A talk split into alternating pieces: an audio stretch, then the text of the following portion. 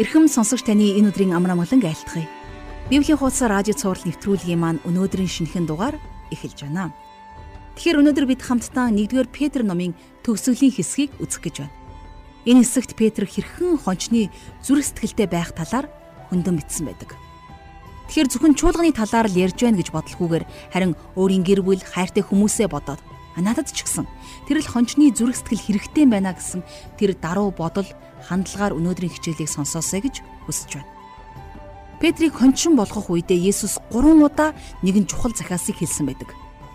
Есүс Йоохны хүү Симоно чи намайг хайрладгүй гэж гурантаа асууж гурван чухал зүйлийг захиж хэлснийг та санаж байгаах. Тэгэхээр өнөөдрийн хичээлээс энэхүү захиасыг Петр хэрхэн биелүүлж, хожим нь өвлүүлэн үлдээж байгааг харах болно. Өнөөдрийн судлах хэсэг бол 5 дугаар бүлэг байх болно. Бид өнөөдөр 5 дугаар бүлгийг бүхэлд нь буюу 1-ээс 13 дугаар ишлэлийг дуустал уншиж ярилцсанаа. Ингээд бурханд энэ цагийг өргөн хамтдаа залбирцгаая.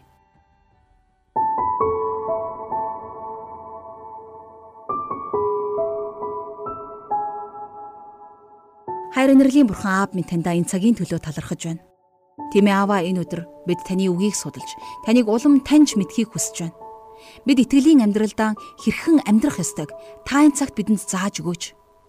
Бидний итгэлийн амьдрал тохиолддог сорилт, хүнд хэцүү асуудлуудын дунд хэрхэн бид итгэлээ сахиж, итгэлээр алхах ёстойг та энэ цагт бидэнд зааварчилж өгөөрэй. Хичээлийн энэ цагийг таньдаа өргөж, эзэн Есүсийнхээ нэрээр залбирanгуйж байна. Амен. Ингээд хамтдаа жаргал ах шийчэлд анхаарлаа хандуулъя.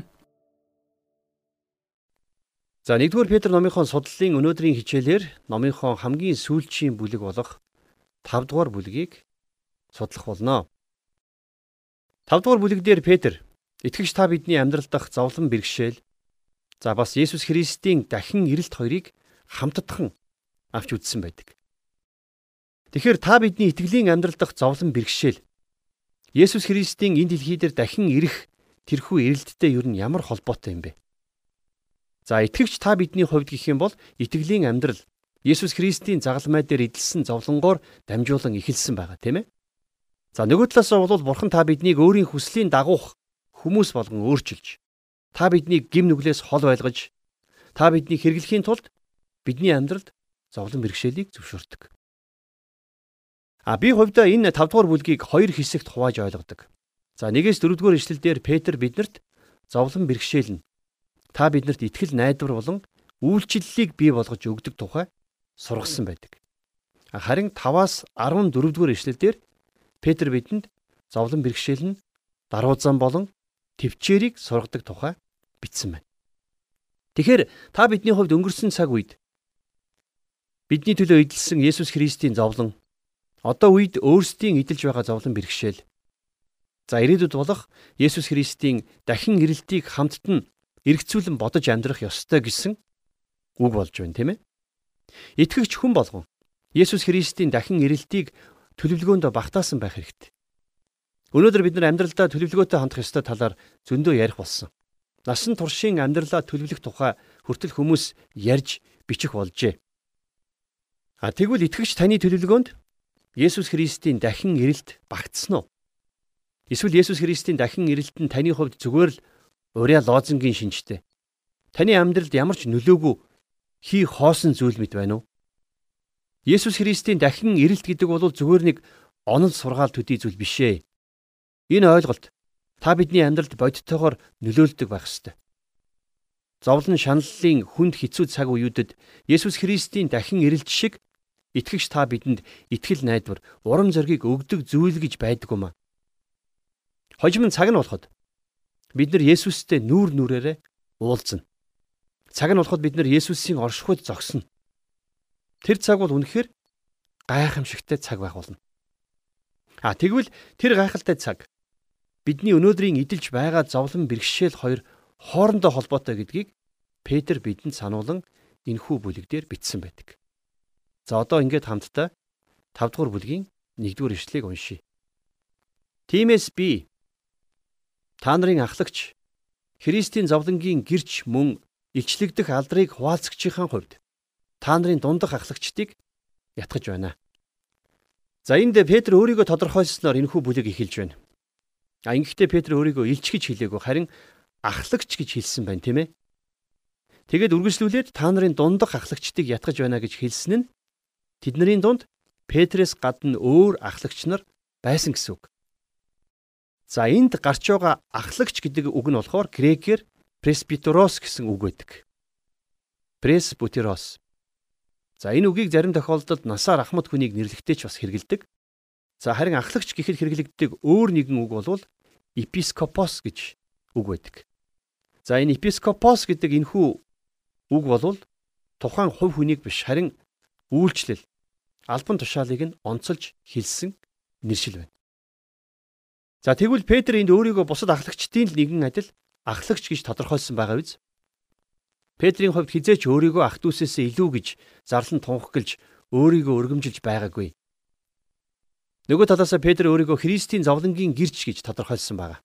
Хэдийгээр Петр өөрийгөө бусадтайгаа л адилхан ахлагч гэж нэрлэж байсан ч гэсэн Христийн амьдрал, Христийн зовлон, Христийн үхэлтэд илүү ойр байснараа онцгой. За бас Петр өөрийгөө илчлэгдэх алдрыг хуваалцагч гэж нэрлсэн байна. Тэгэхээр хожим ил болох буюу илчлэгдэх тэрхүү алдрыг Петр өөрөө нүддэрээ харсан хүн. Петрийн 2 дугаар загтал дээр Петр Есүсийн уулан дээрх хувиралттай энийг зүрлсэн байна. Петр Есүсийг уулан дээр хэрхэн яаж хувирахыг харж байсан. Бас загалмай дээр хэрхэн яаж амиа өгөхийг харсан. Есүс Христ яг ямар уулан дээр тийхүү хувирсан тодорхойгүй байдаг ч гэсэн энэ үйл явдал хаана болсон гэдгээсээ илүү тэр үед юу болсон бэ гэдг нь илүү чухал юм. Тэгэхээр энэхүү чухал үйл явдлыг нүдэрээ харсан гэрч бол Петр. А гэхдээ Петр нэг зүйлийг сайн мэдэж байсан. Хожим буюу ирээдүйд ил болох бидний алдар үүнтэй адил агуу байх болно гэдгийг Петр мэдэж байсан байна, тийм ээ.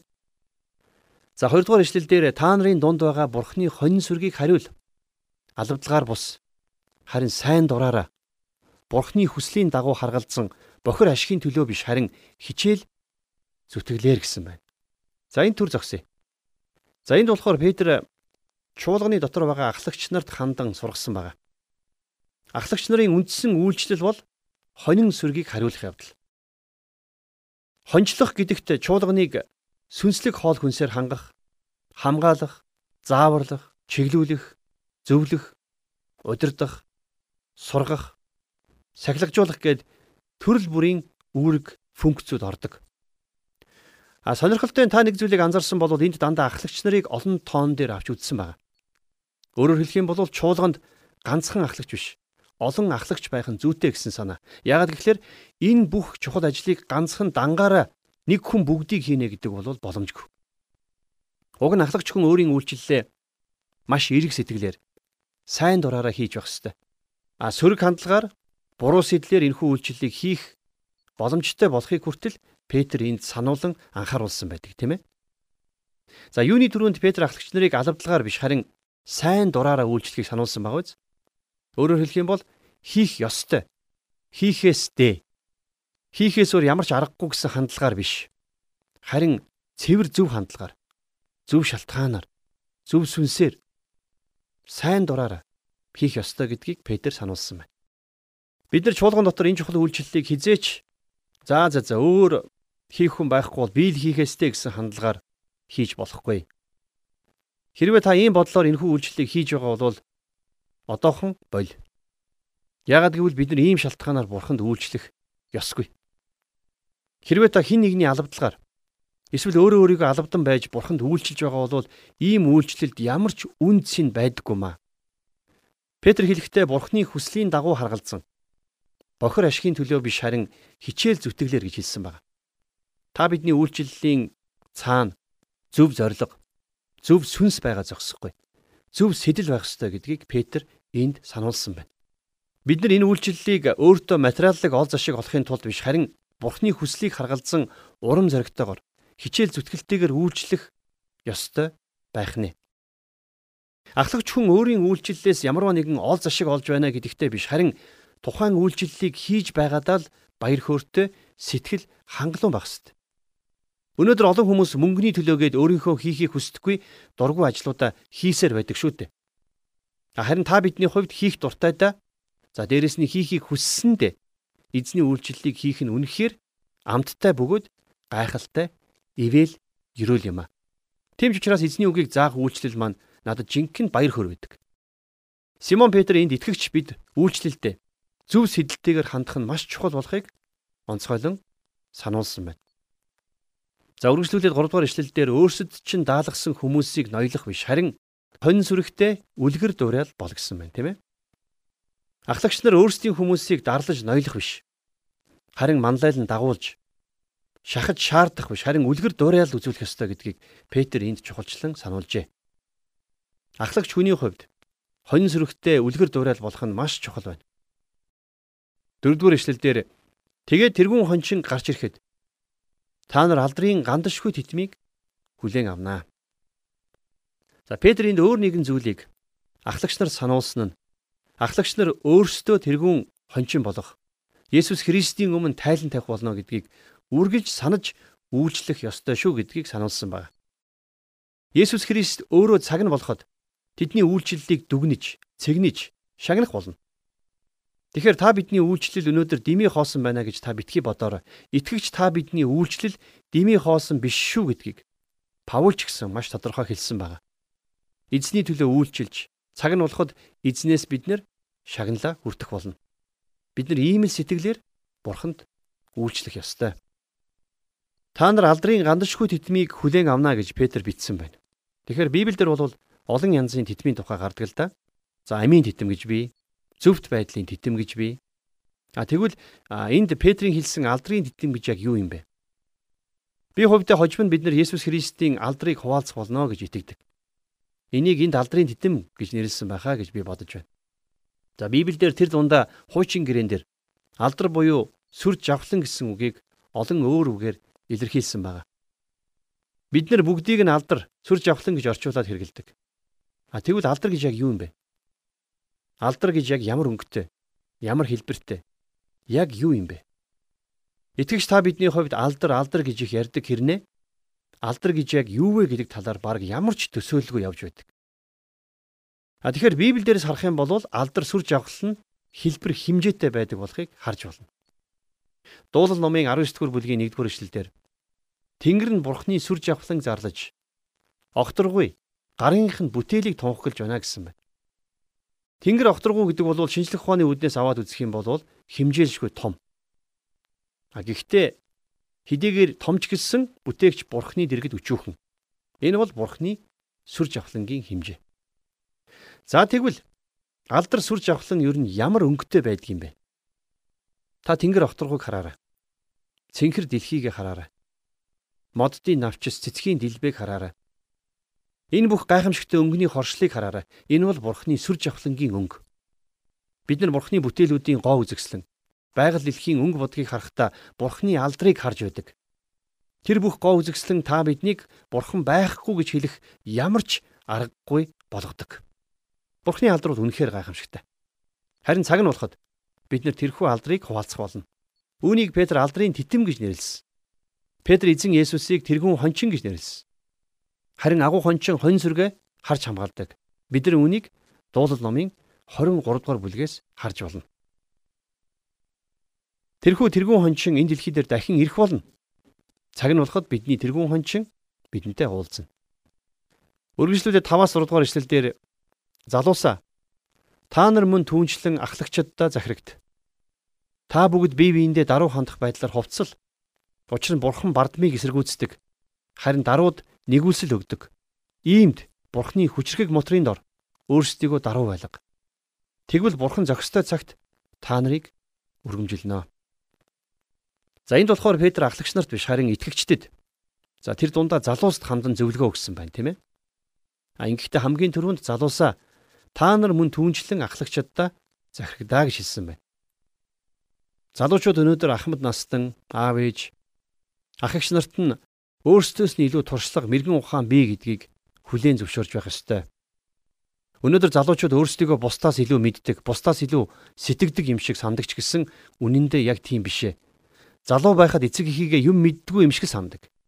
Харин өөрөө нас ахихын хэрээр эцэг эх минь ямар их зүйлийг мэддэг байсан бэ гэж гайхдаг шүт.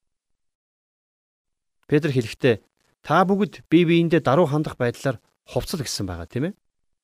Өөрөөр хэлэх юм бол итгэгч хүмүүс бие биентэйгээ хандахдаа зөвхөн өөрийнхөө зөрүүдлэн зүтгэх биш харин харилцсан буулд хийдэг байх ёстой гэсэн үг. 7 дугаар ишлэл дээр тэр та нарт санаа тавьдаг учраас бүх завинлоо түүнд хай гэсэн байна. За энд Петр нэгэн гайхамшигтай зоригжуулалтын үгийг бидэнд хэлжээ. Бурхан бидэнд санаа тавьдаг. Бурхан бидэнд санаа тавьж бидэнтэй холбоотой асуудалд анхаарлаа хандуулдаг. Матай 11:28 дээр эзэн Есүсийн хэлсэн гайхамшигтай үгийг энд ашрам сануулъя. Зүдэж зүтгэгсэд хийгээд хүнд ачаа үүрсэн бүгдээ над дээр ир. Би та нарыг амраая гэж хэлсэн. Таны нуруунд дээр гим нүглийн хүнд ачаа байгаа бол Есүс рүү очиорой. Тэр таныг аварна.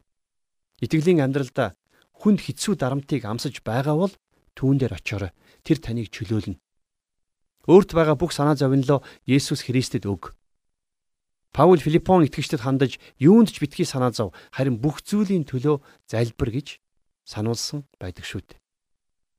За 8 дугаар ишлэлдэр эрүүл ухаантай, сонор сэрэмжтэй бай та нарын өрсөлдөгч болох диавол нь хин нэгнийг залгихаар хайж байгаа архирах арслан мэд гитэн явдаг юм а гэж хэлсэн байна. Өнөөдөр итгэж та бидний хувьд эрүүл ухаантай, сонор сэрэмжтэй байх нь маш чухал юм. Яагад үгүй сатан энэ дэлхий дээр өөрийн дураар ажиллаж байна. Тэр та биднийг бүдрүүлэх боломжийг хайж алхам тутамд маань отож байдаг. Итгэгчид бид нар сүнслэг тэмцэлд орж байдаг гэдгээ хизээч мартаж болохгүй. 9 дугаар ишлэлдэр Харин та нар бат итгэлээр түүнийг эсэргүүц. Дэлхийд байгаа ах дүүнер чинь адилхан зовлон идэлж байгааг та нар мэднэ гэсэн байна. Сүнслэг тэмцэл донд итгэгчид бид нар муу ерийн сүнснүүдийн хүчийг бат итгэлээрээ эсэргүүцэн зогсох ёстойг Петр энд сануулсан байна, тийм ээ. Энд итгэгч биднийг ганц ганцаараа тэмцэх тухай биш, хамтдаа бат зогссон тэмцэх тухай өгүүлсэн байна. Итгэгч бид нар диаволын эсрэг тэмцэх тэмцэлдээ хамтдаа байх нь үнэхээр чухал. Бид нар энэхүү сүнслэг тэмцэлд орохдоо Эфес номдэр бичигдсэнчлэн сүнсний хуйг дуулгыг агсаа зогсохгүй итгэгч ахан дүүстэйгээ хамт зогсох амин чухал байдаг юм а. Тийм ч учраас Илч Петр энд хэлэхдээ дэлхийд байгаа ах дүүнер чинь адилхан зовлон идэлж байгааг та нар мэдэрээ гэсэн байна тийм ээ. 10 дугаар ишлэлдэр Христ дотор та нарыг өөрийн мөнх алдарт дуудсан. Бүх нэгүслийн бурхан өөрөө төр зур зовсны чин дараа та нарыг төгс болгож баттгаж бэхжүүлэн байгуулах болно гэсэн байна. Бид нар өнөөдөр бурхны алдар руу дуудагдахдаа Христийн дотор дуудагдсан. Тэрнээс бидэнд өөрсдийн хүчээр бурхны алдарт хүрэх ямар ч боломж байхгүй. Тэгэхээр чуулган бол олон талаараа өөрөөсөө гэрэл гаргадаггүй ч гэсэн нарны гэрлийг ойлгон тусгаж байдаг сартай адилхан юм. Та биднээс гэрэлтэх алдар бол бидний алдар биш харин Есүс Христээс бидэнд тусгасан тэрхүү алдрын тусгал юм шүү дээ. Дараа нь Петр бидэнд хандаж төр зур зовсны чин дараагаар та нарыг төгс болгож баттгаж бэхжүүлэн байгуулах болно гэж хэлсэн байна. Үнэхээр та бид нар энэ дэлхий дээр амьдрахдаа төрхөн зур зовлон эдэлдэг ч гэсэн цаг нь болоход Есүс Христ та биднийг төгс болгож биднийг баттгах, биднийг бэхжүүлэн байгуулах болно. Тийм учраас та ямар ч үед урам зоригтой байгаарай. 11 дугаар эшлэлдэр сүр хүчин үеийн үед түүнд байх болтугай. Амен гэсэн байна. За энэ бол яахын аргагүй чуулганы төлөө залбирсан Петрийн ерөөлийн залбирал. Ингэж залбирсныхаа дараагаар Петр жич гэж байгаад дараах үгсийг бичсэн байна. 12 дугаар ишлэлдэр энэ нь бурхны жинхэнэ нэгүүлсэл гэдгийг би та нарт гэрчилж сургамжлан бидний итгэмжид ах トゥ у болох Силванаар дамжуулан товчхон бичлээ. Энэ нэгүүлсэлд бат зогс. За эндээс харах юм бол энэ загтлыг Петр хилж а Силван бичсэн байна тийм ээ. Олон судлаачид Петрийн загтлуудыг дүгнэхдээ грек хэлний хилцэн хувьд тийм ч сайн бичигдээгүй гэж үздэг. А тэгвэл хэрвээ та Петрийн грек хэлийг муулмаар байгаа бол Петрийг биш харин Силваныг муулсан дээрэ гэдгийг бид нар эндээс харж байна. За 13 дугаар ишлэлдэр та нартай хамт сонгогдсон Вавилон дахь чуулган болоод мөн миний хүү Марк та нартай мэдчилж байна. За энд та нартай хамт сонгогдсон Вавилон дахь чуулган гэж хэлсэн нь Ромын чуулганыг хэлж байна гэж олон судлаачид үздэг. Харин зарим судлаачид бол энийг шууд утгаараа тухайн үеийн Вавилоныг хэлж байна ч гэж үздэг. За энд дурдгдсан байгаа Марк бол бидний танил Йохан Марк шүү дээ. За Марк бол шин гэрэний Маркийн сайн мэдээг бичсэн. Тэр хэдийгээр Петрийн төрсөн хүү биш боловч итгэлийнх нь хүү байсан. Тэгээд хэдийгээр Марк нэг удаа Паулийн илгээлтийн аяллалын үеэр итгэл алдсан ч гэсэн хожим нь итгэлийн мундаг баатар болон төлөвшөж чадсан байдаг юм аа. За ингээд дараагийн ишлэл буюу хамгийн сүүлийн ишлэл хайрын үнсэлтээр бие биентэйгээ мэдчлэгтэн Христ доторх та бүгдд амар амгалан байх болтугай. За энэ хүрээд Петрийн 1-р загтал өндөрлж байна. Петрийн хэлснээр сонсогч таны дэрчгсэн өнөөдөр яг энэ мөчөд Бурхны амар амгалан дүүрэн байх болтугай.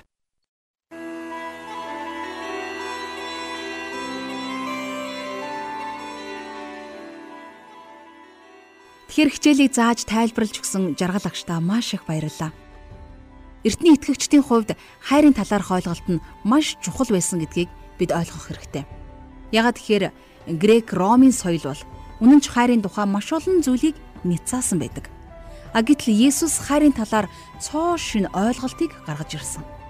Хүмүүс нэг бурхан, нэг нөхөр, эхнэр гэсэн эрхэм чухал үүрэг хариуцлагаа хүлээн зөвшөөрч Есүс Христэд итгэх болсон.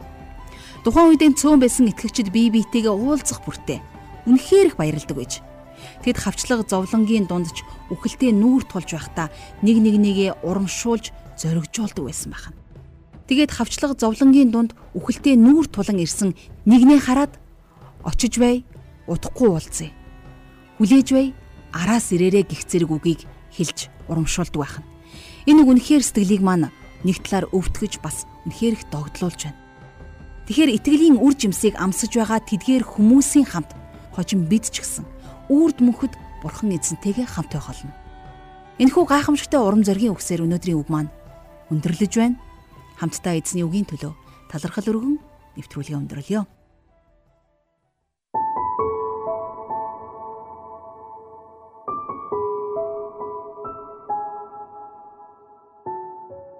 Харин эзэн минь таньда талархаж байна. Тимээ аваа та бидэнд санаа тавьдаг учраас таньда баярлалаа. Бид өдөр бүр итгэл дотроо сонор сэрэмжтэй байж альва уруу татлага дайралтыг бат итгэлээрээ эсэргүүцэн зогсоход та туслаарай. Итгэл дотроо бат зогсож бидний амьдрал тохиолддог альва зовлон бэрхшээлийн дунд ч гэсэн урам зориг, итгэл найдвараар дүүрэн байхад та туслаач. Эзэн ялангуяа танаас өгөгдсөн тэрхүү амар амгалан баяр хөөргийг юуж үл няцаах болтугай. Эзэн бид өдөр бүр таны ариун сүнсээр хөтлүүлэн амьдрахад та үргэлжлүүлэн бидэнд туслаарай. Бүхнээ танд өргөж эзэн Есүсийн нэрээр залбирanгуйж байна. Амен.